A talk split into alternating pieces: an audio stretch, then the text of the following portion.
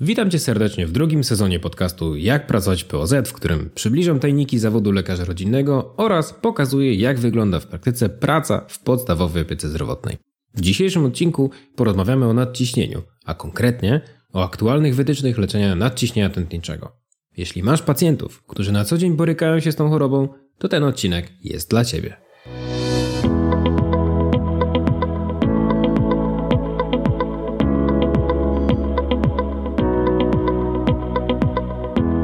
Słuchasz podcastu Jak pracować w POZ, jedynego takiego miejsca w sieci, w którym odkrywam tajemnice i obalam mity na temat codziennej pracy specjalistów medycyny rodzinnej.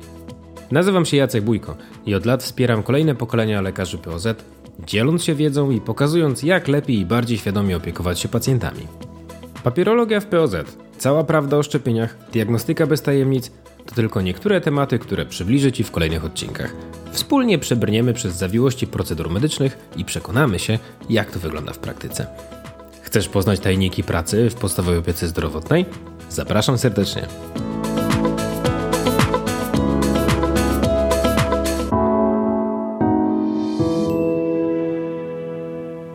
Zacznijmy od tego, o co w ogóle chodzi z tymi wytycznymi ESH łamane na ESC i co to za tajemnicze skróty. ESH, czyli Europejskie Towarzystwo Nadciśnienia Tętniczego, to organizacja medyczna zajmująca się problemami dotyczącymi, no, w sumie nadciśnienia tętniczego. Natomiast ESC to Europejskie Towarzystwo Kardiologiczne. Te dwie organizacje co kilka lat przygotowują nowe wytyczne, które mają pomóc lekarzom w codziennym podejmowaniu decyzji dotyczących pacjentów z chorobami serca, podwyższonym ciśnieniem tętniczym oraz związanymi z nimi powikłaniami. Wytyczne te są aktualizowane zgodnie z najnowszymi dowodami naukowymi i wiedzą medyczną. Aktualne zalecenia z 2018 roku zostały stworzone z myślą o osobach dorosłych z nadciśnieniem tętniczym, czyli w wieku no, co najmniej 18 lat. Możemy w tych zaleceniach znaleźć 20 praktycznych wskazówek, które umożliwią skuteczniejsze rozpoznawanie i leczenie tej choroby. I o tych właśnie 20 praktycznych wskazówkach chciałem Ci dzisiaj powiedzieć.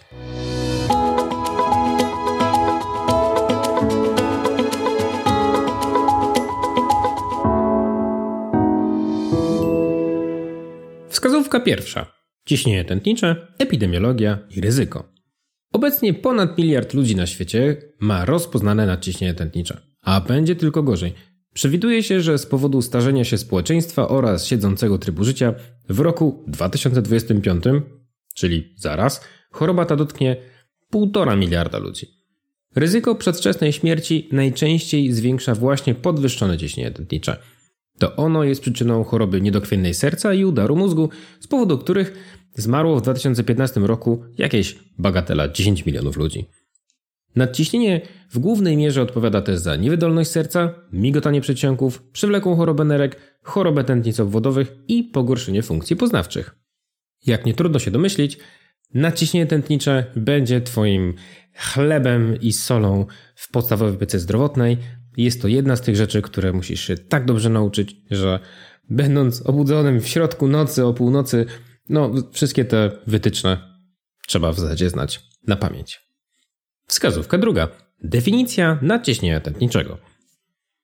Wytyczne dotyczące klasyfikacji i definicji nadciśnienia tętniczego pozostają bez zmian. Nadciśnienie tętnicze to trwale podwyższone skurczowe ciśnienie tętnicze do powyżej wartości 140 mm supertenci i lub rozkurczowego ciśnienia tętniczego do powyżej wartości 90 mm supertenci. Mówimy tu oczywiście o prawidłowo zmierzonym ciśnieniu w gabinecie lekarskim, a te wartości odpowiadają ciśnieniu co najmniej 130 na 80 w całodobowym automatycznym pomiarze ciśnienia lub średniej z domowych pomiarów ciśnienia co najmniej 135 na 85 mm supertenci. Wskazówka trzecia. Badania przesiewowe i diagnostyka nadciśnienia tętniczego. Podwyższone ciśnienie tętnicze jest nazywane cichym zabójcą, bo często nie daje żadnych objawów. Dlatego u dorosłych powinno być kontrolowane co najmniej co 5 lat, a u osób z wysokim prawidłowym ciśnieniem nawet częściej. Przypadku podejrzenia, że pacjent może chorować na nadciśnienie, lekarz powinien parokrotnie zmierzyć ciśnienie podczas wizyty w gabinecie lub zalecić całodobowy pomiar ciśnienia tętniczego. Wskazówka czwarta. Znaczenie oceny ryzyka sercowo-naczyniowego i wykrywanie powikłań narządowych związane z nadciśnieniem tętniczym. Nadciśnieniu często towarzyszą dyslipidemia i zespół metaboliczny, dlatego u pacjentów z chorobą układu sercowo-naczyniowego zaleca się formalną ocenę ryzyka sercowo-naczyniowego za pomocą skali oceny ryzyka wieńcowego, czyli tzw. Tak SCORE. Pacjenci z powikłaniami narządowymi spowodowanymi przez nadciśnienie, a zwłaszcza z przerostem lewej komory, przewlekłą chorobą nerek lub retinopatią, są bardziej narażeni na cięższy przebieg choroby i śmierć. Dlatego powinno się oceniać u nich ryzyko tak jak u pacjentów z nadciśnieniem, ponieważ sama skala SCORE może tu nie wystarczyć. Wskazówka piąta. Pomyśl, czy ten pacjent może mieć wtórne nadciśnienie tętnicze. U większości osób z nadciśnieniem tętniczym jego przyczyna pozostaje nieznana. Wtórne i potencjalnie wyleczalne przyczyny częściej występują u osób poniżej 40 roku życia, u tych osób z ciężkim i opornym na leczenie nadciśnieniem tętniczym i lub u pacjentów z prawidłowym nadciśnieniem, u których nagle rozwija się ciężkie nadciśnienie tętnicze. Takie osoby wymagają specjalistycznej oceny. A co mówią wytyczne o tym, jak radzić sobie z nadciśnieniem? No, o tym za chwilę.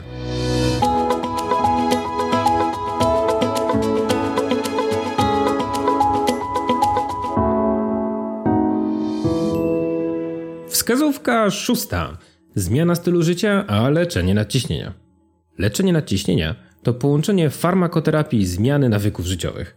Modyfikacja stylu życia uzupełnia terapię i może znacznie opóźnić wdrożenie medykamentów. Ograniczenie spożycia sodu i alkoholu, zdrowa dieta, regularne ćwiczenia, kontrola masy ciała i rzucenie palenia ogólnie dobrze wpływają na zdrowie pacjenta nie tylko w zakresie nadciśnienia tętniczego.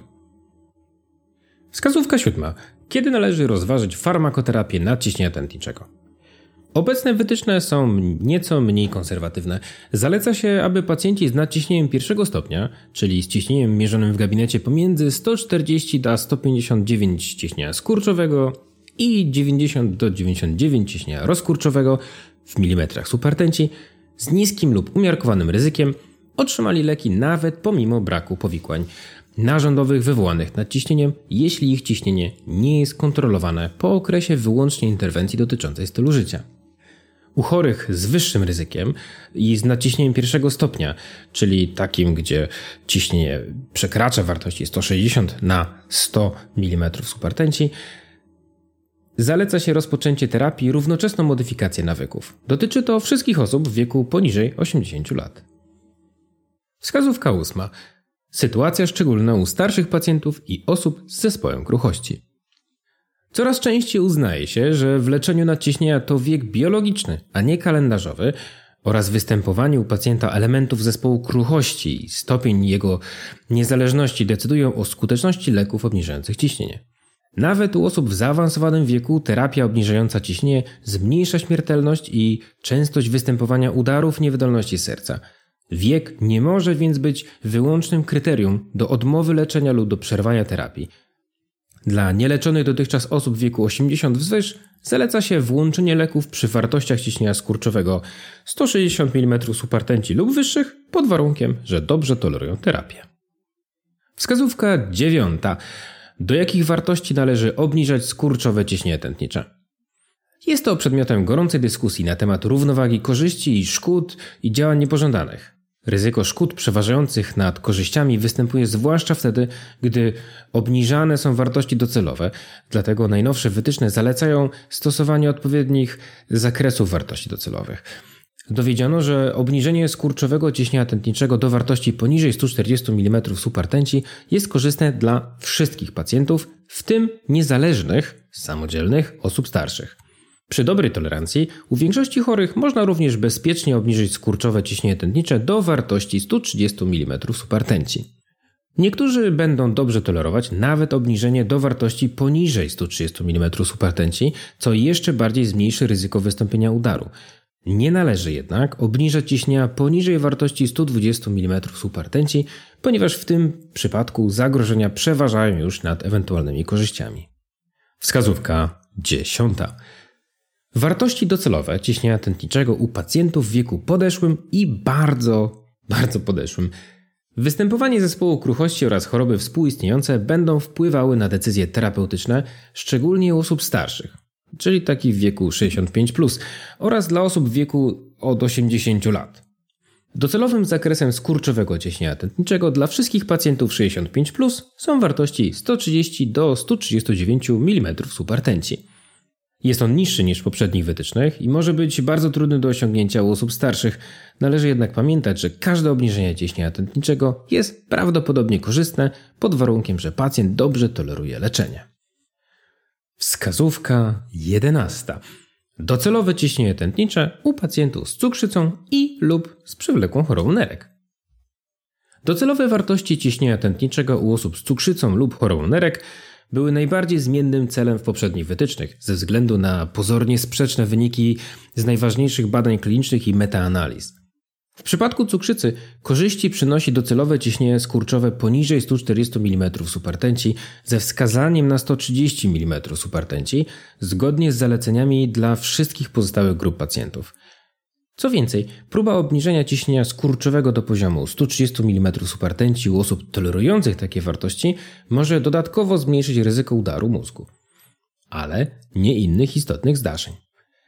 Wartość skurczowego ciśnienia tętniczego nie powinna być mniejsza niż 120 mm supertenci, a dla pacjentów z przewlekłą chorobą nerek zakres docelowy powinien wynosić między 130 a 139 mm supertenci.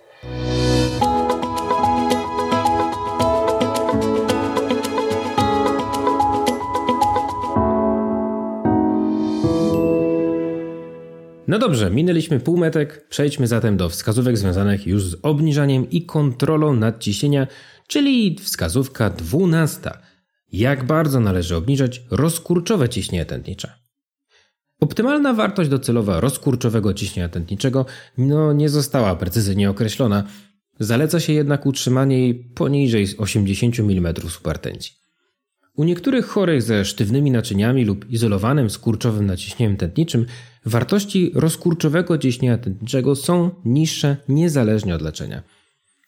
U takich pacjentów z wysokim ryzykiem i niskimi wartościami rozkurczowego ciśnienia tętniczego nie powinno się powstrzymywać przed osiągnięciem docelowych wartości skurczowego ciśnienia tętniczego, o ile te wartości są dobrze tolerowane. Wskazówka 13. Potrzeba lepszej kontroli ciśnienia tętniczego. Najważniejszym przesłaniem obecnych wytycznych jest potrzeba poprawy kontroli ciśnienia tętniczego. Mimo ogromnej liczby dowodów na korzyści z jego obniżenia, mniej niż połowa pacjentów z leczonym nadciśnieniem tętniczym osiąga cel terapeutyczny skurczowego ciśnienia tętniczego o wartości poniżej 140 mm supertenci. Stosowanie przez lekarzy monoterapii, nieodpowiednia intensyfikacja leczenia jak również nieprzestrzeganie zaleceń lekarskich przez pacjentów, szczególnie gdy przyjmują wiele tabletek, to obecnie główne czynniki przyczyniające się do nieodpowiedniej kontroli ciśnienia tętniczego. Wskazówka 14. Rozpoczynanie terapii od dwóch leków, nie jednego, u większości pacjentów. Monoterapia z reguły nie wystarcza u większości pacjentów z nadciśnieniem, szczególnie teraz, gdy cele terapeutyczne są często niższe niż według poprzednich wytycznych. Najnowsze wytyczne mówią, że u większości pacjentów z nadciśnieniem tętniczym należy rozpoczynać leczenie od terapii złożonej dwoma lekami. Wyjątkiem jest niewielka grupa pacjentów z niskim wyjściowym ciśnieniem tętniczym, blisko wartości docelowych, u których można osiągnąć cel za pomocą pojedynczego leku, oraz niektórzy pacjenci z zespołem kruchości czy w podeszłym wieku, u których korzystne może być powolne osiąganie zalecanych wartości ciśnienia tętniczego. Dowody sugerują, że taka strategia może poprawić szybkość i skuteczność i przewidywalność początkowego obniżenia oraz kontroli ciśnienia i będzie dobrze tolerowana przez pacjentów. Jaki jest minus? Minus jest taki, o którym twórcy wytycznych nie powiedzieli, że terapia podwójna czy potrójna nie jest refundowana, jeżeli od niej zaczynamy. Trzeba pamiętać o tym, że jeżeli rozpoczynamy terapię nadciśnienia, należy rozpocząć od terapii dwóch refundowanych, oddzielnych tabletek z dwoma substancjami, a dopiero później, osiągnąwszy kontrolę ciśnienia, można podać lek złożony. Jeżeli podajemy od razu lek złożony, nie możemy wpisać refundacji tego leku. Wskazówka 15. Strategia pojedynczej tabletki w leczeniu nadciśnienia tętniczego. Nieprzestrzeganie zaleceń w leczeniu przewlekłym nadciśnienia tętniczego jest obecnie traktowana jako jedna z głównych przyczyn złej kontroli ciśnienia. Według przeprowadzonych badań istnieje bezpośredni związek między liczbą przyjmowanych tabletek i nieprzestrzeganiem zaleceń lekarskich. a stosowanie leków złożonych poprawia przestrzeganie zaleceń. Stosowanie leków złożonych w nadciśnieniu tętniczym jest obecnie zalecaną metodą rozpoczynania terapii skojarzonej z dwóch leków oraz prowadzenia terapii trójlekowych u tych chorych, którzy jej wymagają. Takie postępowanie będzie obniżać ciśnienie tętnicze do wartości docelowych u większości pacjentów przy zastosowaniu jednej tabletki i może znacznie zmienić stopień kontroli ciśnienia tętniczego, ale pamiętajmy, nie możemy zacząć od tych leków refundowanych. Musimy, jeżeli chcemy je refundować, zacząć od rozdzielnych leków refundowanych i dopiero po osiągnięciu kontroli możemy podać jedną tabletkę w terapii np. dwu czy trójlekowej. Czasem się okazuje, że zmiana biorównoważności tych leków powoduje, że efekt później jest na przykład zbyt silny albo zbyt słaby i znów musimy ustawiać to od nowa. Wskazówka 16. Uproszczony algorytm postępowania w nadciśnieniu tętniczym. Algorytm postępowania został znacznie, znacznie uproszczony tak, żeby pacjenci z niepowikłanym nadciśnieniem tętniczym oraz wiele osób z chorobami towarzyszącymi mogło stosować podobne leczenie. Na początek u większości pacjentów zaleca się skojarzenie inhibitora konwertazy angiotensyny, czyli tak zwane ACE. No dobra, ja mówię no to ACE, ACI. No ale ACE jest fajniejsze. Lub antagonisty receptora angiotensyny, czyli ARP w dużym skrócie, sartany, z blokerem kanału wapniowego lub diuretykiem tiazydowym. U chorych wymagających terapii trójlekowej zaleca się skojarzenie inhibitora konwertazy angiotensyny, czyli ACE, lub sartanu, czyli antagonisty receptora angiotensyny, blokera kanału wapniowego oraz diuretyku tiazydowego.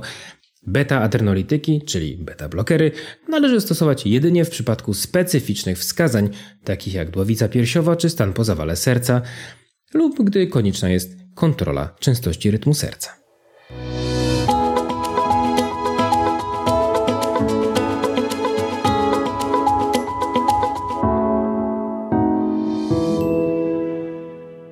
No i teraz czas na leczenie nadciśnienia i kwestie ciąży.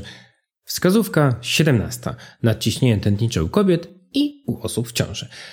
U osób z nadciśnieniem tętniczym planujących ciążę należy unikać stosowania inhibitorów konwertazy angiotensyny, czyli ACE, lub sartanów, czyli antagonistów receptora angiotensyny oraz diuretyków. Zalecanymi lekami w celu obniżenia ciśnienia są tu metyldopa, labetalol i antagoniści wapnia. Te same leki nadają się w terapii przeciwnadciśnieniowej u osób w ciąży. Nie należy stosować inhibitorów konwertazy angiotensyny, czyli ACE, lub antagonistów receptora angiotensyny, czyli sartanów w czasie ciąży. Wskazówka 18. Czy interwencyjne leczenie naciśnienia tętniczego jest uzasadnione? Badania metod inwazyjnego leczenia naciśnienia tętniczego nie dostarczyły wystarczających dowodów, by zalecić ich rutynowe stosowanie. Dlatego też do czasu uzyskania danych na temat ich bezpieczeństwa i skuteczności, wykorzystywanie metod interwencyjnych nie jest zalecane w rutynowej praktyce, no, poza przypadkami badań klinicznych czy innych przypadkach specjalistycznych.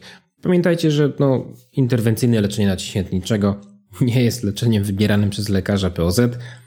No, to jest już domena hipertensjologów. Wskazówka 19, przedostatnia, czyli redukcja ryzyka choroby układu sercowo-naczyniowego u pacjentów z naciśnieniem tętniczym poza zmniejszeniem ciśnienia tętniczego, czyli rola statyn. U pacjentów z umiarkowanym lub wyższym ryzykiem choroby układu sercowo-naczyniowego lub u osób chorujących na tę chorobę samo obniżenie ciśnienia tętniczego nie zmniejszy wystarczająco ryzyka. U takich pacjentów terapia statynami dodatkowo obniży ryzyko zawału serca o średnio 1 trzecią i udaru mózgu o średnio 1 czwartą przy zakładanej dobrej kontroli ciśnienia. Podobne korzyści zaobserwowano u osób z naciśnieniem tętniczym z ryzykiem na granicy niskiego do umiarkowanego, Dlatego też wydaje się, że z terapii statynami mogłoby skorzystać o wiele więcej pacjentów z naciśnieniem tętniczym niż obecnie. No i uwaga, werble! Wskazówka 20. Redukcja ryzyka choroby układu sercowo-naczyniowego u pacjentów z naciśnieniem tętniczym poza zmniejszeniem ciśnienia tętniczego, czyli leki przeciwpłytkowe. Terapia przeciwpłytkowa, czyli szczególnie małe dawki kwasu acetylosalicylowego, jest zalecana w prewencji wtórnej u pacjentów z naciśnieniem tętniczym, ale nie w prewencji pierwotnej, czyli u pacjentów bez choroby układu sercowo-naczyniowego. Co to znaczy? Jeżeli dojdzie już na przykład do zawału, no to kwas acetylosalicylowy ma sens, ale podawanie go pacjentowi, który nie miał zawału lub innego zdarzenia sercowo-naczyniowego, nie ma wystarczających korzyści.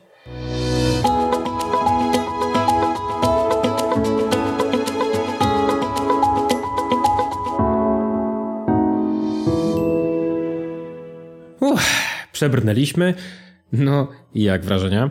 Pamiętajcie, że same wytyczne, same zalecenia, no naturalnie warto przeczytać. Dokument liczy, niech no sprawdzę, 159 stron, e, także miłej lektury życzę. To było 20 zaleceń e, dotyczących właśnie naciśnienia, czyli główne przesłania tych nowych zaleceń. Oczywiście warto zapoznać się z tym dokumentem w oryginale, w szczególe od początku do końca, od A do Z a nawet ziet, wszystko przeczytać. Dlaczego? No, tak jak wspominałem wcześniej, pacjenci z naciśnieniem tętniczym to jest chleb i sól podstawowej opieki zdrowotnej. Najwięcej pytań, jeżeli chodzi o młodych lekarzy, młode lekarki, mam wrażenie, że pojawia się właśnie w zakresie leczenia naciśnienia. I co ciekawe, no mam takie poczucie, że e, koledzy, koleżanki kończący Wydział Lekarski znają się na no, specjalistycznych procedurach, natomiast e, no, spotykają się z pewną trudnością, gdy właśnie członek rodziny, tudzież e, znajomy, przyjaciel no, spełnia kryteria rozpoznania naciśnienia i powstaje pytanie, czym tę osobę leczyć. Także to są te zalecenia, warto od nich zacząć, a potem e, w miarę wzrostu kompetencji, takiej pewności własnej, zgłębiać wytyczne te, a także inne. Jakie inne? Zapytasz. Cieszę się, że o to pytasz. No więc rzuć okiem na zasady postępowania w naciśnieniu tętniczym na 2019 rok, czyli wytyczne Polskiego Towarzystwa Nadciśnienia Tętniczego. Jest to dokument nieco skromniejszy, dlatego że posiada, niech no policzę, bzium, bzium, bzium, 60 stron? Tak by było. Przepraszam. 86 stron. Czy warto przeczytać? Oczywiście, że warto przeczytać. Jako lekarze rodzinni, y, no było nie było, pracujemy w zakresach szczegół, szczegółów wiedzy w różnych zakresach, no, w szczegółach tych zależnych od tego, jak często dana przypadłość pojawia się w naszej praktyce. I tu właśnie naciśnienie tętnicze to jest coś dla nas codziennego. Może się okazać, że 30% Twoich pacjentów to będą pacjenci z nadciśnieniem tętniczym rozpoznanym lub nie. No więc Twoim obowiązkiem, Twoim głównym zadaniem jest właśnie nauczyć się bardzo dobrze leczenia nadciśnienia. Trzeba jeszcze pamiętać o jednej rzeczy, mianowicie o tym momencie, kiedy lekarz rodzinny wjeżdża jako ten rycerz na białym koniu. Mianowicie wytyczne skupiają się bardzo mocno na tych wartościach, doborach, e, diagnostyce, natomiast e, warto powiedzieć o czymś, w czym lekarz rodzinny błyszczy błyszczy i tutaj, że tak powiem, zdobywa najwięcej punktów, mianowicie zaufanie z pacjenta strony. A co to znaczy? E, no tutaj możemy mówić, że terapia trójlekowa w jednej tabletce daje lepszy compliance, większą zgodność z zaleceniami niż terapia rozdzielna, ale tak naprawdę najważniejsze, co dla pacjenta czyni różnicę, jest zaufanie. Zaufanie do lekarza, którego prowadzi, zaufanie do lekarza, który zaleca mu te tabletki. I to jest pole do popisu dla lekarzy medycyny rodzinnej. Dlaczego? Bo to my, znając pacjenta przez lata, pomagając tej osobie w różnych przypadłościach, w różnych sytuacjach, otaczając ją troską, to my jesteśmy tymi osobami, które pyta się o zdanie, czy tę tabletkę brać, czy nie brać, brać tak, czy śmak, czy kardiolog zaleca w ten sposób, czy się dostosować. Pacjent, każdy pacjent, zwłaszcza w takiej sytuacji wieloletniej, trudnej, jaką jest naciśnienie tętnicze, które przecież nie boli, więc no, ciężko, że tak powiem, że pacjent miał jakąś swoją motywację wewnętrzną, w takiej sytuacji pacjent zdaje się bardzo mocno na słowa zaufanego lekarza, czyli właśnie swojego lekarza rodzinnego. To jest oddzielna wiedza, oddzielna wiedza o motywacji pacjenta, o takim właśnie wywiadzie motywującym, o e, wpływie na zachowania pacjenta. Jest bardzo trudne, dlatego że każdy i pacjent, i my, każdy chciałby, żeby po prostu była jedna tabletka i to wszystko załatwia. Niestety po drodze jest życie i to właśnie naszym zadaniem jest dostosować to do życia pacjenta. To jest trudne, ale do zrobienia. czego Wam wszystkim życzę.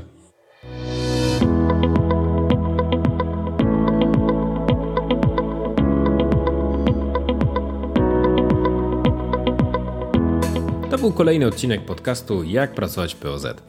Jedynego takiego miejsca w sieci, w którym dzielę się z Tobą praktycznymi wskazówkami o tym, jak świadczyć swoje usługi w podstawowej opiece zdrowotnej.